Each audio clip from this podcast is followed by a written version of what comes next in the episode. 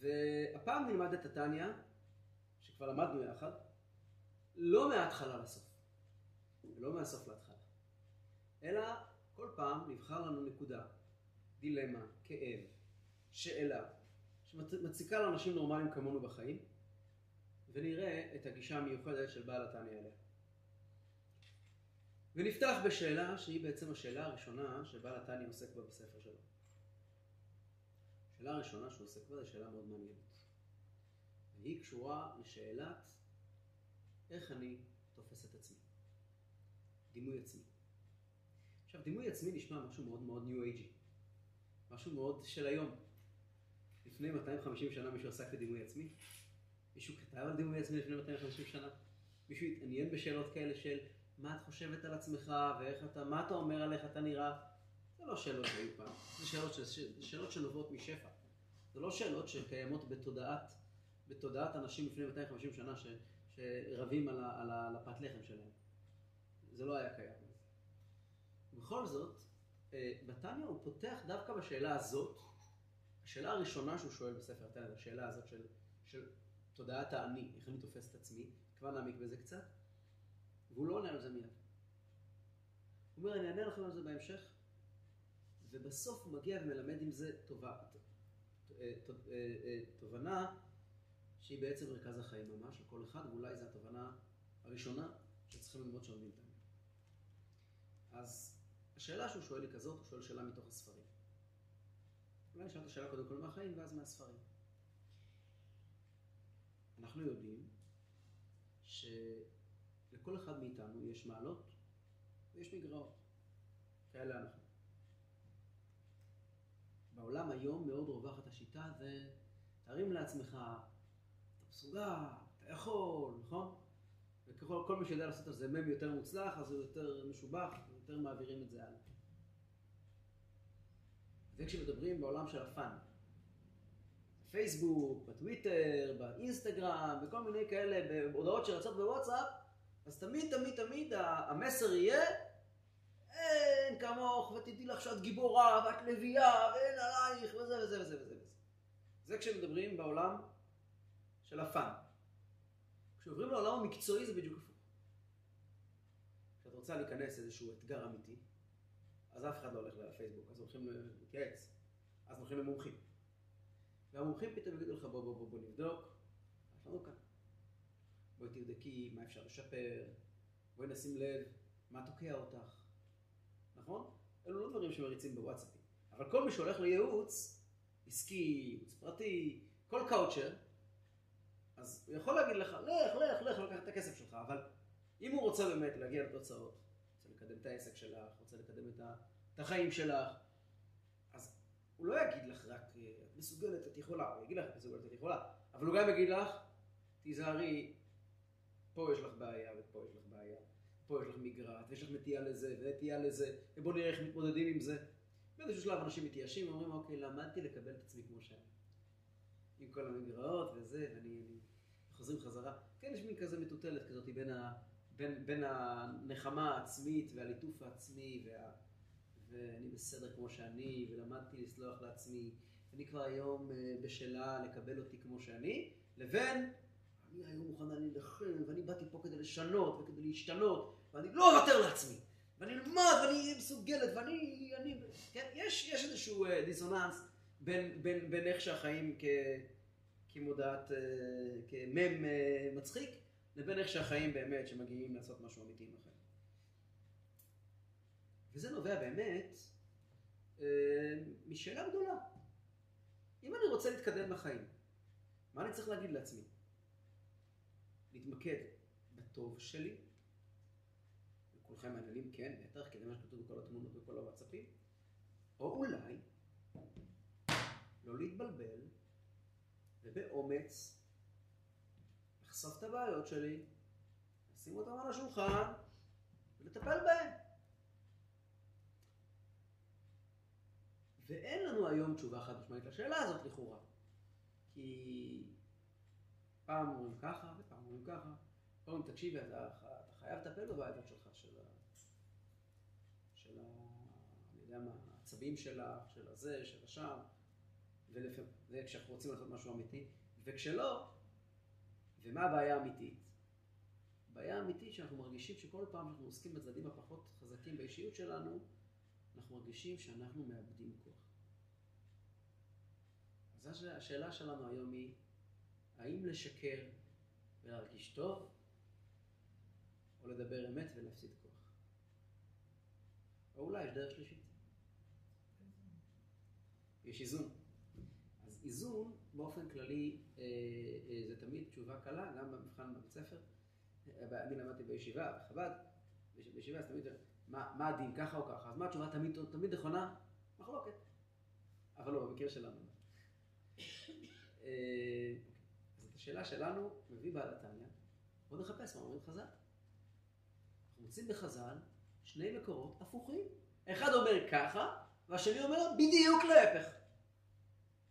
המקור הראשון שאותו מביא בעל התניא, הוא מגמרא שמתארת את רגעי הלידה של האדם. ש? של ה... רגעי הלידה של תינוק. גמרא מתארת איך נולד תינוק. סרט אה, לידה, בסוף פרק ג', שורות הראשונות של תניא. שם מסופר שכשהתינוק נולד, ברגעים שהוא נולד, שהוא בוקע מרחם אמו, ממש ברגעים הראשונים, מגיע מלאך, מגיעים מלאכים ומשביעים אותו שבועה. מה השבועה שמשביעים אותו? אז כמה שבועות? יש רשימה של חמש שבועות. שלושת השבועות הראשונות הן כאלה. הן מצוטטות כאן. שבועה ראשונה משביעים אותו, תהי צדיק. שבועה שנייה משביעים אותו, ואל תהי רשע. תני עוסק באריכות בהבדל בין, השבוע, בין שתי השבועות האלה. שבועה שלישית, והיא מה שנוגעת לנו בשאלה שלנו היום, תהי צדיק ואל תהי רשע, שבועה שלישית, ואפילו כל העולם כולו אומרים לך, צדיק אתה, אהיה בעיניך כרשע. זאת השבועה השלישית שנשבע כל אדם שיוצא לאוויר העולם. אפילו כל העולם כולו אומרים לך צדיק אתה, אהיה בעיניך כרשע. כלומר, תמיד תזכור שיש לך עוד מה לתקן. למרות שהסביבה תגיד לך איזה מושלם אתה, ואיזה מוצלח אתה, תמיד תמיד תזכור, אהיה בעיניך כרשע.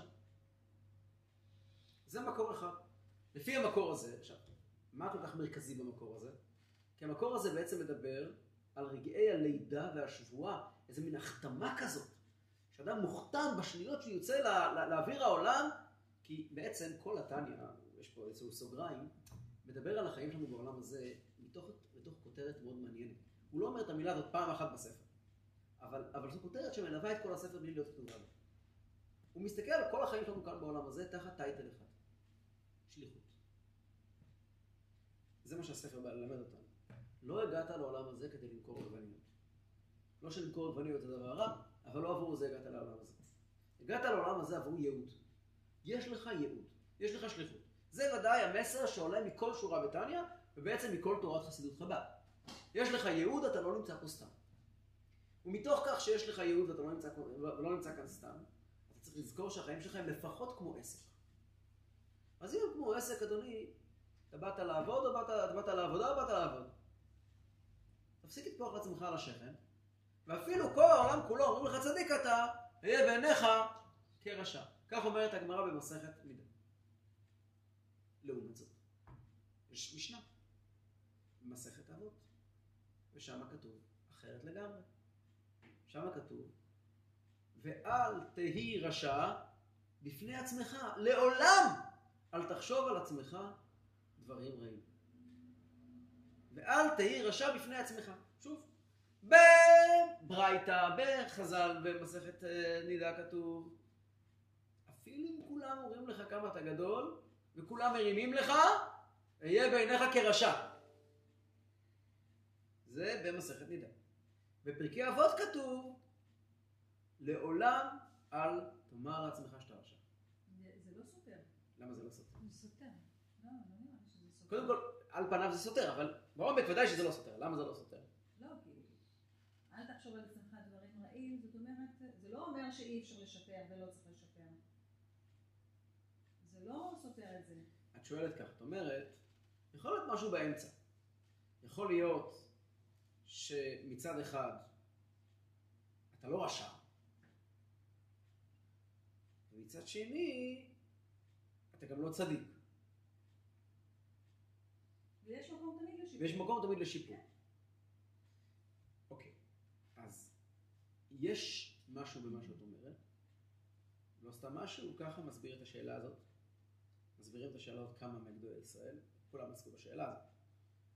אה, כמה פרשנים מסבירים שזה נכון, מביאים את התשובה שלך, ואומרים שזה המקור, המקור לתפיסת הרמב"ם שאומר שאדם צריך לראות את עצמו תמיד, כל החיים שלו, כאילו הוא הולך על גדר. לעולם יראה האדם עצמו אה, כאילו כולו מחצה זכויות ומחצה הבנות. עשה עבירה אחת, איתה את הכף לכף חובה. קיים מצווה אחת, איתה את הכף לכף זכות. הרמב"ם גם כן ככה משמע בפרקי אבות, שבאמת יש פה מין, מין הדרכה לאדם, תראה, אתה, אתה תמיד יכול ליפול, אתה אף פעם לא צדיק, זאת אומרת, אל תחשוב שסיימת את התפקיד שלך, אבל מצד שני, אל תחיה בתודעה שאתה נמצא באיזשהו זבל שאתה לעולם לא יכול לקום ממנו, באיזשהו נפילה שאתה לא יכול, לעולם לא, לא, לא, לא יכול לקום ממנה. יש, יש גישות כאלה, והן גם נכונות, כן? כתובות בספרים אמיתיים. אבל זה לא מספיק לבעל התניא, כי בעל התניא מגיע ושואל, אם אנחנו עושים גם בשאלת הזהות, איך אני, בשאלת התודעה העצמית, יש כזה ביטוי שאומר, אתה, זה לא מי שאתה חושב שאתה. ואתה, זה לא מה שאחרים חושבים שאתה. אתה, זה מה שאתה חושב שאחרים חושבים שאתה. אחרים הרי לא מכירים אותך. אתה, זה מה שאתה חושב שאחרים חושבים שאתה. אז uh, השאלה של, השאלה האמיתית היא לא רק מה לחשוב. השאלה היא באיזה מוד לקום בבוקר. מה המוד שאמור להזיז אותי? להניע אותי לפעולה. האם המוד של יש לי עוד מה לתקן? או המוד של תראה הצלחת? עוד לתקן. מקור אחד אומר, תלוי בגופו של עניין. לא, תמיד יש לי 39 וצריך עוד, עוד נקודה בשביל להגיע למאה. לא, תמיד. אבל לפי התניא, אני לא המרכז. יש לי, כמו שאמרת, שליחות, יש לי ייעוד. אז ביחס. לשליחות שלי, ביחס לשליחות שלי. כי המילים לא האלה, אהיה שאמרת. בעיניך כרשע, הם גם איזשהו מקום, הם לא רק אומרות לך, יש פה מין הכוונה של, הלו, הלו, אל תעוף על עצמך. אל תעוף על עצמך, אנחנו שמענו בטח, הרמת על עצמך, ואל. כל העולם כולו, אתה אל ת... אהיה בעיניך כרשע. והשני אומר, תקשיב, גם אם אתה בשאול תחתית, תרים את העיניים, תחפש להתחזק בנקודות הטובות שלך. תחפש- לא. הגישה הראשונה אומרת, כולם אומרים לך שאתה צדיק, תסתכל על עצמך כמו על רשע. כלומר, אל תעוף על עצמך בשום מחיר. יש בברסלב, יש תורה מפורסמת שאומרת נכון, שאדם צריך לחפש את הנקודה הטובה שלו, נכון, נכון? אז הגישה של יהיה בעיניך כרשע ודאי לא מסכימה עם זה. ודאי לא מסכימה עם זה. אפילו אם כולם מוצאים לך נקודות טובות, אתה תחפש מה? איפה עוד אפשר לתקן? בגישה השנייה אבל, היא בדיוק הפוך. גם אם אתה נפלת ונפלת עוד פעם ונפלת עוד פעם ואתה מרגיש שאני אימא כושלת ובת כושלת ורעיה כושלת, תחפשי את הנקודות הטובות האלה ותתפסי- בהן, כן? מין מין סוג של נקודה טובה. אולי להיות בבדיקה עצמית מתמדת. אז את מגיעה ומציעה שצריכים ללכת על כיוון של מה בוא, מה זה בכלל משנה מה אני חושב, שאלה מה האמת. לא, לבדוק את עצמי. לבדוק מול האמת, האם אני באמת טובה או אני באמת... זה לא, מפתח את אבל... לא יכולה לבדוק את עצמך. חשבון נפש? כן, לעשות חשבון נפש. גם חשבון נפש, את כבר לוקחת את זה למקום מאוד מאוד מעניין של חשבון נפש, גם חשבון נפש, תמיד תמיד תמיד תמיד, תקשיבי לי, זה סוד שאסור לספר אותו לאף אחד, גם חשבון נפש תמיד מגיע עם אג'נדה. תמיד מגיע עם אג'נדה. פעם הגיע, הגיע אה, יהודי, פתח משרד, חיפש אה, אה, מנהל חשבונות. משרד גדול מאוד, חיפש מנהל חשבונות. מגיע אליו אחד, מגיעים אליו תור, הוא פרסם בעיתונות, מחפש מנהל חשבונות ברמה גבוהה, משכורת גבוהה מובטחת וזה וזה וזה, מגיעים אליו לראיון עבודה. מגיע הראשון, שואל אותו, כמה זה 20 ועוד 20? אז הוא אומר לו 40, הוא אומר לו, אוקיי, תודה, אל תתקשר אלינו, אנחנו נתקשר אליך. מגיע הבא בתור, כמה זה 20 ועוד 20? שווה 40. להתראות, אל תתקשר אליך, לא תתקשר אליך. בסוף מגיע איזה יהודי חכם. כמה זה 20 ועוד 20? שואל אותו בעל העסק. אומר לו היהודי, כמה שאתה רוצה. אבל מה פירוש כמה שאני רוצה? תגיד אתה כמה זה, אני אוכיח. זה פילוסופיה יותר. לא, המציאות היא. שאיך שלא תסובבי את הגלגל, בסוף אלה שמחפשים, האנשים היותר טיפוסים, היותר יותר אה, מהודקים, והיותר יקים כאלה, והיותר שאפתניים, כן? תמיד אני מכיר אנשים מאוד מאוד מוצלחים, שלוחים חב"ד, שאחרי כל אירוע שלהם, מגיעים להם אלפי אנשים לאירוע, יושבים בערב, בעל והאישה אחרי האירוע, איפה נפלנו? אה? למה, למה נפלנו הפעם? אירוע יפה, כולם איזה יופי, מרימים להם. יש כאלה שעשו דבר כזה קטן, כמו במעשה מחכם וטן, אה, איזה יופי היה לנו היום! אחרים יגידו, מה? אז, אז גם חשבון נפש, בהינתן שעושה אותו בן אדם ולא בינה מלאכותית, אז הוא גם כן עם אג'נדה. ויש כאן הכוונה לאג'נדה. כלומר, מה אני אמור לחפש? את הדרוש תיקון, או את ההישגים. ואם אני מסתכל במשנה, אני רואה שאני צריך להתמקד בהישגים. אם אני מסתכל בברייתא, בגמרא בנידה, אני רואה שאני צריך להתמקד בכשלים. באמת, באמת, באמת, באופן מאוד כללי, ואז אנחנו נחזור לתשובה של זו מחלוקת מפורסמת בין בית שמאי לבית הלל. מחלוקת בין בית שמאי לבית הלל. בית הלל, זה אמר בעל התניא בהזדמנות אחרת, לא בתוך ספר התניא. אמר את זה פעם בהזדמנות אחרת. יש מחלוקת מאוד מעניינת בגמרא, מחלוקת שעוסקת בשאלה כיצד מרקדים לפני הכלה. איך רוקדים מול כלה. אתם מכירים את המחלוקת הזאת? שמעתם על זה פעם? יש לזה הרבה שירים. יש הרבה מנגינות למחלוקת הזאת. כיצד מרקדים לפני הכלה? המחלוקת בגמרא מסכת כתובות. בית שמאי אומרים, כלה כמות שהיא. תגיד רק דברים נכונים. בית הלל אומרים, מה צריכים להגיד לכלה? כלה נאה וחסודה. אמרו להם בית שמאי לבית הלל, ואפילו חיגרת ואפילו סומה? אתם עדיין תגידו לה כלה ונאה וחסודה? בית שמאי אומרים, כן, אפילו חיגרת ואפילו סומה, אנחנו לא משקרים. בית הלל אומרים, בית שמאי אומרים בית הלל, אפילו חיגרת ואפילו סומה, והרי התורה אמרה מדבר שקר תרחק. התורה אמרה מדבר שקר תרחק. למה לשקר?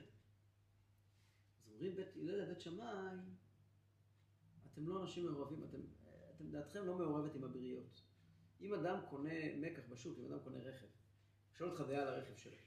ישבחנו בעיניו או יגננו בעיניו? אם אני עכשיו קנה רכב חדש, ואני אשאל את החבר'ה. אחרי שקניתי, מה אתה אומר על הרכב שלי, אה? כל אחד... והוא יגיד לו, תשמע, זה...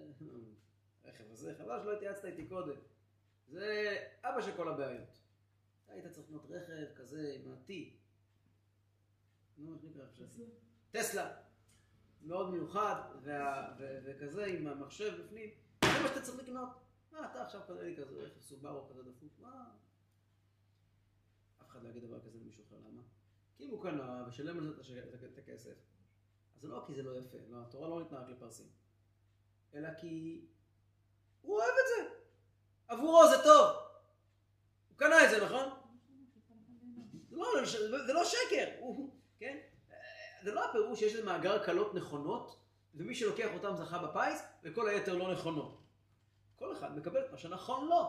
אז הנה וחסודה, כי הוא לקח אותה. אז בעתני מסביר שבית שמאי ובית הלל שואלים איך מרקדים לפני הכלה, כלה ועם ישראל שנקראים כלה לקדוש ברוך הוא, מלשון כלות הנפש, איך מרקדים, איך מעוררים את היהודי להתקרב לקדוש ברוך הוא. אז בית שמאי מלשון שמאות, כמו שמאות רכב, כן? הם מגיעים ואומרים, כמות שהוא, תן לו את האמת בפרצוף, תגיד לו את האמת. אתה רוצה לקרב אותו לקדוש ברוך הוא? אתה רוצה שהוא ירגיש ככה חוסר מנוחה במקום שלו? אתה רוצה שהוא יתחיל להרגיש קצת לא נעים במציאות הלא, הלא נכונה שלו, בחיים שהוא חי בטעות? תגיד לו את האמת. כלכלה כמות שהיא, ככה הוא יתחיל לזוז. להם בית הלל, אפילו חיגרת, אפילו, אפילו סומה. גם אם הוא חיגרת או סומה, גם אם הוא לגמרי איבד כל כיוון, תגיד לו שהוא דפוק, אתה יודע לאיפה הוא יגיע בצורה כזאת.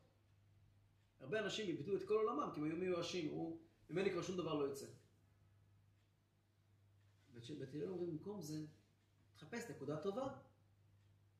קלה נאה וחסודה. תחפש, למה? הקדוש, הוא בן של הקדוש ברוך הוא, הקדוש ברוך הוא לקח מקח מן השוק. שהקדוש ברוך הוא הרי יודע מה הוא, מה הוא עושה. אז תחפש את הנקודות הטובות. אז זה באופן כללי איך מקרבים יהודי אחר. אבל איך מקרבים אותי, כל אחד את עצמו, איך מתקדמים בחיים. אתה אמרת לאחר, תסתכל לטוב שהוא בחר. גם תעודד אותו בטוב שלו. יפה. זה בדיוק גם הרבי נחמן אומר, הבן אדם הרשע שאתה מסתכל, אתה תוכל למצוא בו ודאי. ואתה צריך לה, לה, להגדיל את זה. להפך, אבל נכון. שאני בעצמי, אני כל הזמן מסתכלת על המינוס שלי, אז מאוד כאילו, אני צריכה... עוד רגע נגיע לאני בעצמי, אני רוצה להוסיף עוד מילה על מה שאמרת. הרבי אמר לא פעם, שלפה שלנו הרי יש כוח עצום. כן. יש לנו כוח עצום, בפה שלנו, כוח עצום. וזה כתוב, ידיים ידי עשיו, על הכל, כל יעקב. כלומר, מה שגוי עושה עם נשק, אנחנו עושים עם הפה. יש ליהודי כוח עצום בפה. ולכן, כשאנחנו אומרים מילה טובה על מישהו, אפילו לא בפניו, אם אנחנו מוצאים נקודת זכות אצל מישהו, אנחנו מגדילים לו אותו. והיא הולכת ותופסת יותר נפח באישיות שלו. וגם להפך. כתוב בחסידות, ככה רבי מסביר, מה הבעיה הגדולה של לשון הרע? הגמרא אומרת על לשון הרע, שלשון הרע הורג שלושה. את האומר, את מי שנאמר עליו, ואת השומע. אז פעם הרבי שאל, מילא האומר, אני מבין, מה לשון הרע, זה לא בסדר. והוא ששומע, אני גם מבין, מקשיב לשון הרע. אבל מי שאמרו עליו, מה זה משנה לו אם אמרו עליו או לא אמרו עליו, למה זה הורג אותו? במובן הרוחני. הרב הסביר, כשמדברים על מישהו דברים לא טובים, אז מנפחים את החלק הלא טוב שלו. יש לנו כוח בפה. אז למה כלפי עצמנו? אז גם כלפי עצמנו גם לא בסדר לכאורה, נכון? אתה אמרת שבן אדם צריך להרגיש רשע. אני לא אמרתי, ציטטתי. זה לא אני אמר, זה הספר אמר. אני עכשיו אסביר. עדיין לא הגענו להסבר של אדמו"ר הזקן, אני עדיין בשאלה. מה הגישה הנכונה אליי? לאדם אחר אין שום ספק, רק, רק, רק באופן חיובי. כמו שהרבי הרש"ב פעם אמר, רבי הרייץ ויוסף יצחק שאל את הרבי הרש"ב אביו, היה ילד קטן, למה יש שני שינים? בלוח א' ב' יש שין ושין, שין וסין. שין ימנית ושין, וסין שמאלית. אז אבא שלו אמר לו, מאותה הסיבה שיש שני עיניים. למה יש שתי עיניים? גם יש עין ימנית ועין שמאלית. עין ימנית זה עין מפרגנת, עין מכילה. זה כדי לראות את הטוב של יהודי אחר. ועין שמאלית זה עין מבקרת, עין ביקורתית, עין שמעמידה ולא מוכנה לוותר, לא מוכנה להחליק פינות, כדי להסתכל על עצמך. אבל שוב, איך עונים על השאלה הזאת? ההסבר הוא כזה. החידוש של טניה הוא שכל אחד מאיתנו מורכב משתי נפשות. החידוש הזה של שתי נפשות משנה את כל החשיבה על כל נושא בעולם שרק נעסוק בו. כל אחד מאיתנו יש שתי נפשות. נפש אלוקית ונפש בהמית. אתם יודעים את זה, למדתם טניה. נפש אלוקית ונפש בהמית. כל אחד מאיתנו יש חלק שמחובר אל האינסוף. לא נקודה טובה. נפש אלוקית. נפש אלוקית פירושו יש לי אישיות שלמה שכולה טוב. אישיות שלמה שכולה טוב. ויש בי גם נפש בהמית, זאת אישיות שלמה, שכולה אינטרסים. שכולה אינטרסים. שכולה אגואיזם, אינטרסים, שקיעות בעצמי, ש... שמגיע מאוד מהר גם לכל מיני מידות רעות כמו אה, מי, מי, מי, מי, כעס וגאווה ותאוות, עד לשקיעה במלנכוליה, וכל הבעיות שאנחנו מכירים בחיים שלנו קשורים עם הנפש הבהמית שלנו. אנחנו בן אדם שבנוי כפול. יש לנו שני צדדים באישיות. צד אחד הוא אלוקי. ירד מן השמיים, התלבש בתוך הגוף שלנו. הוא קיבל שליחות ומשימה ארוכת דרך, ואלוקים אמר לו, רוץ ודהר. וצד שני, שזה משקולות על הרגליים. לכל אחד מאיתנו. המשקולות האלה על הרגליים נקראים נפש הבהמית. אני מאוד מאוד רוצה לעשות הרבה דברים, אבל אין לי כוח לקום מהספה. אני מאוד מאוד רוצה א', אבל אני מאוד מאוד תקועה ב'. והשאלה האמיתית היא לא מה אני אמור לחשוב על עצמי, אלא איך אני מוציא את המקסימום מהנפש האלוקית ומוריד למינימום את ההתנגדות והחיכוך של הנפש הבהמית. ש... זאת השאלה. שליחות ומשפט שעכשיו אתה... לא. לא, שליחות זה רק בנפש האלוקית. אני שואל, איך אני יכול להביא את הנפש האלוקית שלי למקסימום, ואת הנפש הבהמית שלי למינימום. לא למינימום של אני בריא והכל בסדר, את ההתנגדות שלה, את החיכוך שלה עם האלוקית למינימום. והתשובה נעוצה בשני דברי חז"ל האלה. א', אל תהי רשע בפני עצמך. כלומר, תמיד תזכור מאיפה, מי אתה באמת. מי אתה באמת. תזכור שאתה יכול להפוך את העולם, שיש בך פוטנציאל מטורף, שאף אחד בעולם לא מסוגל לעמוד מולך. למה? כי אתה חלק אלוקה ממעל ממש, כי אתה חלק מהקדוש ברוך הוא שירד לעולם הזה, וקיבלת את הכוחות האלה בוודאות. זה קלף אתה צריך להחזיק כל היום בכיס שלך, שצועק לך כל הזמן. אל תהי רשע בפני עצמך. אל תשתכנע בגלל העובדה שאתה לא היית בסדר היום בבוקר, לא היית בסדר אתמול, לא היית בסדר שלשום, ועכשיו עשית טעות ודיברת שטויות, ו- ו- ו- ו- ופגעת במישהו ונפגעת ממישהו, ו... זה לא קשור. יש בך נפש אלוקית, חלק אלוקה ממעל ממש. ולכן, ולכן אתה חייב לשים מול העיניים ולזכור, נועדת לגדולות. נועדת לגדולות, אתה אמור ללכת למרחקים ארוכים. אל תחשוב על עצמך קטן. ומצד שני, ובאותה מידה, תזכור כל הזמן שזה פוטנציאל, ויש לך הרבה מה לעבור בדרך. זה לא נמצא בסוף הדרך. תזכור שאם אתה לא תקום עכשיו מהמיטה, אתה תישאר במיטה. תזכור כל הזמן אפילו כל העולם אומרים לך צדיק אתה, ראו אותך אתמול עושה ומארגן אה, עזרה לאחרים שצריכים ומרים טלפונים וכל אחד מה שהיא עושה, כל מיני עניינים טובים, מטפל בילדים, תראו מה עשיתי ותראו מה עשיתי. כל התראו מה עשיתי של אתמול ושלשום בכלל לא אומר שהוא יהיה בעוד רגע. אתה יודע למה? יש לך נפש הבהמית. והיא פה רק כדי לעצבן אותך. והיא פה רק כדי להשפיל אותך. והיא הולכת להישאר כאן, אתה יודע עד מתי? עד הסוף. ולכן גם אם אתמול עשית דברים מאוד גדולים, וגם מחר תעשה דברים גדולים, ובלי שום קשר לזה שאתה עושה דברים גדולים, אתה כל יום ויום עומד למלחמה חדשה. ואם אתה לא תקום מהספה, כמה שתרים לעצמך, וואו, איזה גיבור, אתמול עשיתי, מחר עשיתי, ואני מסוגלת, ואני אריה, ואני לביאה. המילים האלה לא יעזרו לך שום דבר. אם אתה לא תבין שיש פה בעיה, אתה צריך עכשיו לקום מהמיטה ולאפשר לאלוקית לפעול. זה קורה בעל נתניה. רוממות. נקרא, אה, אה, זהו קורה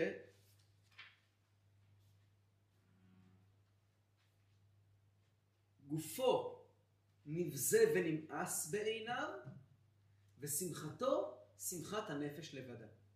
מה פירוש המילים האלה?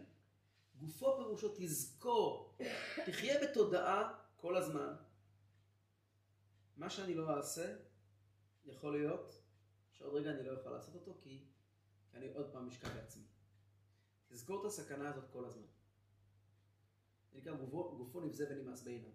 וככל שתזכור שהגוף הוא בעצם לא הגוף פיזית, לא, ה, לא הידיים והרגליים והפרצוף שלנו, אלא השקיעות שלנו בעצמנו עלולה להפיל אותנו, אתה תדע שזה האויב שלך. אני לא מתבייש להגיד, פה יש לי אויב, ואני נזהר ממנו. העובדה שעשיתי טוב לא משקרת אותי, בכף ובקוף. היא לא משקרת אותי.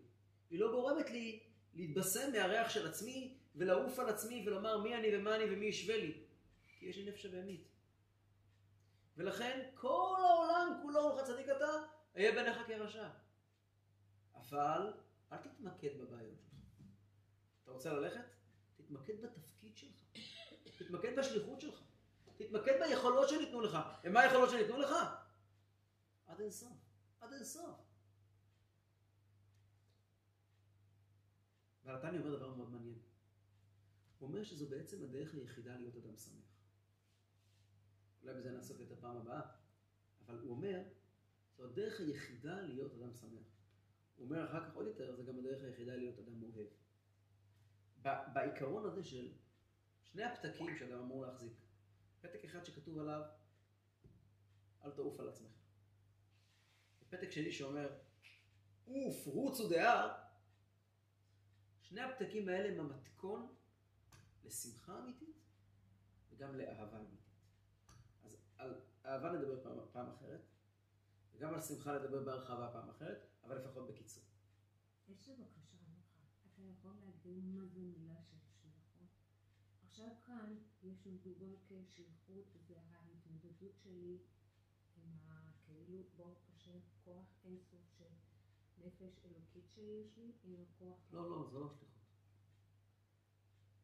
כל המאבקים שלי עם עצמי זה לא שליחות? לא בדיוק. לא בדיוק. כן ולא. אבל שם אני מוציאה את הכוח זהו שלא. זהו שלא. ככל שאני מתבגר ולומד יותר טניה, יכול להיות שלפני עשר שנים הייתי הולך אחרת. אבל היום אני חושב קצת שונה. אה, אני לא חושב. המאבקים שלנו עם עצמנו הם מין רעשי רקע. מה זה רשת? עם רעשי רקע. אנחנו נדבר על זה בעזרת השם באחת הפגישות הבאות. המאבקים שלנו עם עצמנו הופכים להיות מפלצתיים כשהם מרכז הסיפור. ובעל התניא פה, ברעיון הזה שבו הוא פותח, של שתי פתקים, שני פתקים. פתק אחד שאומר רוצו דהר, ופרק שני שאומר ואל תעוף על עצמך, הוא בא לחלץ אותנו מהאויב הכי גדול שלנו, שזה ההתעסקות שלנו בעצמנו. אני אתן, אני אתן כמה הסברים פשוטים ותבין על מה אני מדבר. מה הכוונה שזה הדרך היחידה להיות בשמחה? אז, אענה גם על זה, זה, בשמחה כי יש תקווה? לא. מה זה שמחה? כן. מה זה שמחה? לא. למה אתה אומר רק שלך אפשר לאהוב באמת? סיפוק. כאילו? לא באמת אמרתי, זה עוד שיעור. אה, אוקיי. אה?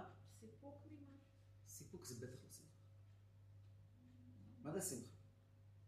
תראו לי איך נראה אדם. לא אדם מרוצה, אדם שמח. תראו לי איך נראה אדם שמח. נו, אחד שיש לו הכל ויש לו... לא שאלתי מה גורם לו להיות שמח, שאלתי איך נראה אדם שמח. הוא שמח, הוא אה? מדבר טוב. התרוממות של הנפש. זה משהו התרוממות של הנפש. דמיינו לי איך הוא נראה, אתם רוצים לצייר אדם שמח, מה אתם רואים אותו עושה? כן, מחייך, עיניים בורקות, מה עוד? אומר דברים טובים רוח טוב, הוא רוצה לעשות הרבה דברים. זה המילים. אתם רואים אותו בדרייב של פעילות, נכון? אתם רואים אותו עם אנרגיה.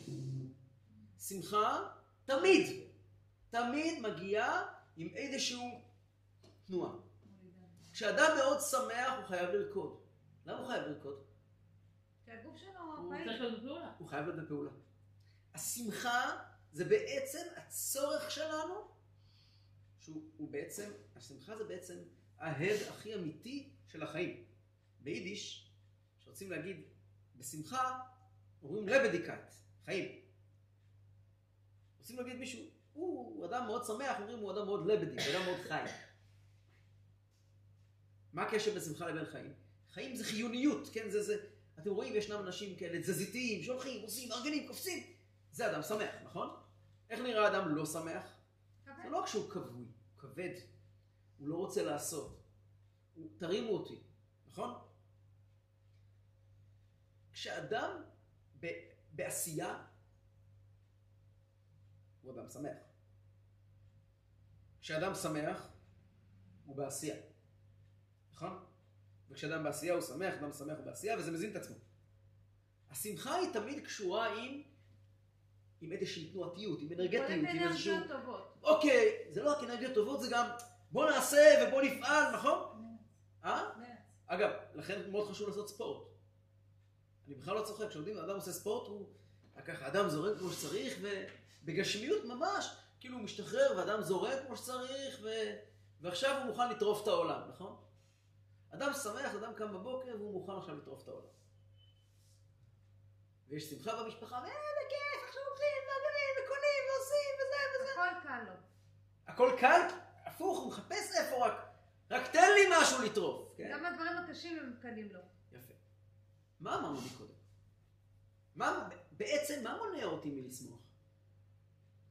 השקיעות שלי בעצמי.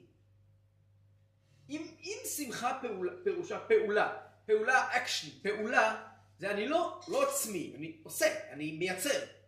אני, אני הופך להיות אדם מאוד מאוד אפקטיבי ומאוד פרודוקטיבי ומאוד מועיל לאחרים, נכון? אדם, אדם שמח הוא אדם שהסביבה נהנית ממנו. קצת קשה להיות שמח בחדר לבד. אדם שמח תמיד גם מנסה להגיע לאחרים, לשמח אחרים. אדם שמח עובר ברחוב, אה, מה נשמע, מה קורה, איך אתה מרגיש, נכון? יש כל מיני סוגים של אנשים שמחים. אבל הוא הולך, מארגן, עושה.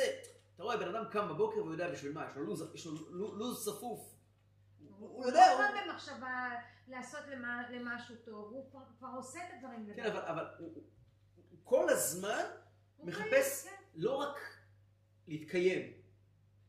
הוא לא עסוק בקיימות, בתמונה כזאת מלנכולית של הוא אנשים לא עם דובון עם יושבים מול ה-. מול ה- מול האח הבוערת ביום חורף שבחוץ שלג.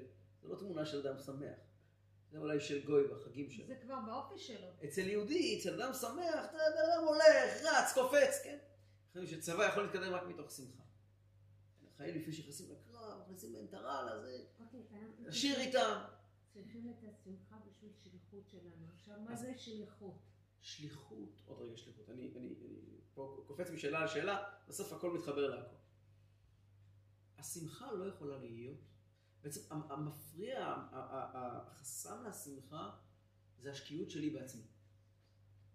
שאני, אוקיי, ואני, ומה חושבים עליי, מה היא אומרת עליי, ומה הוא אומר עליי, למה אני לא מוצלח? ולמה אני לא. מוצלח, ולמה אני כן מוצלח, ולמה הוא יותר מוצלח ממני.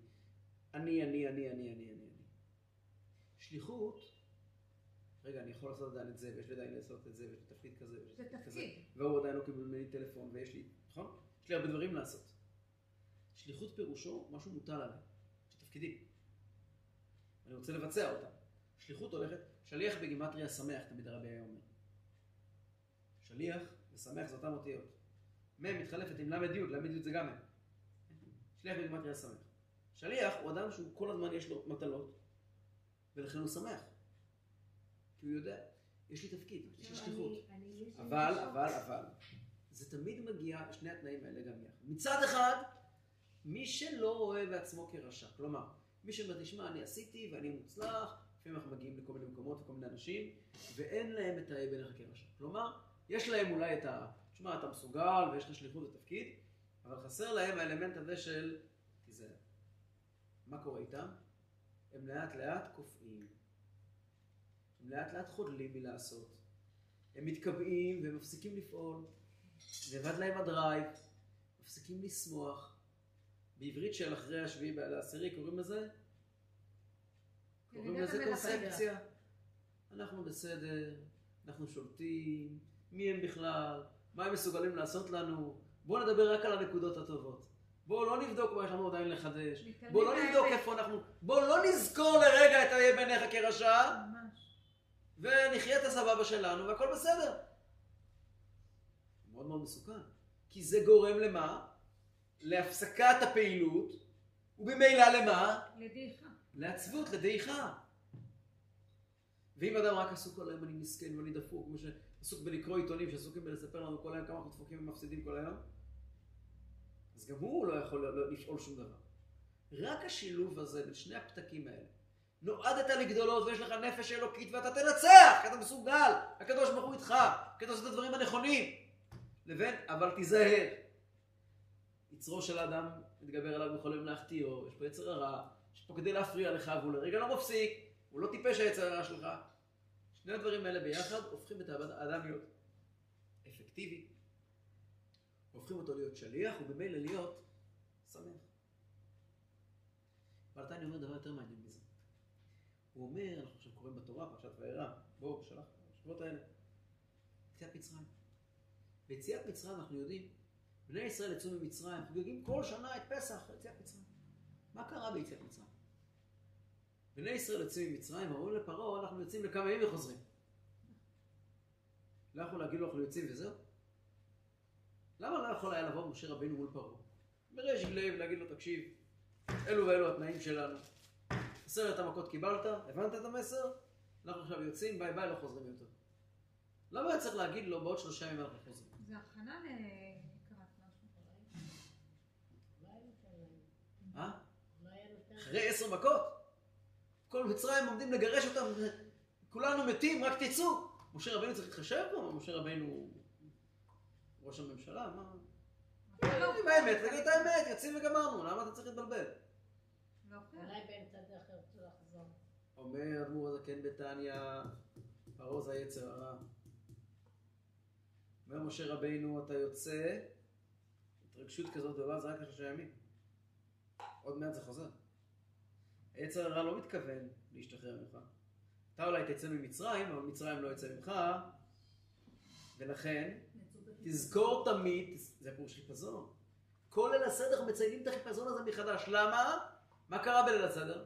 התגלה השליחות של הנשמה האלוקית, והנפש, והנפש הבהמית נכנסה לתרדמת זמנית. עכשיו, האם אנחנו חוגגים בפסח? כן. למה חוגגים? הרי הנפש הבהמית עוד רגע תתעורר. אומר בעל התניא, כי אלו החיים שלנו. החיים שלנו הם, מצד אחד, תהי צדיק, לך יכולות. אה, אה, כל העולם, כל העולם, אה, אל תהיה רשע בפני עצמך. תרוץ, תזכור את התפקיד שלך, תתמקד בתפקיד שלך, מצד שני ואל תשכח. לא באמת התפטרת מפעם. הוא פה איתך כל הדרך. ולכן, תרוץ קדימה, אבל אל תשכח לבדוק. האם באמת המכשול התת-קרקעי שלך הוא כזה פתרון גדול?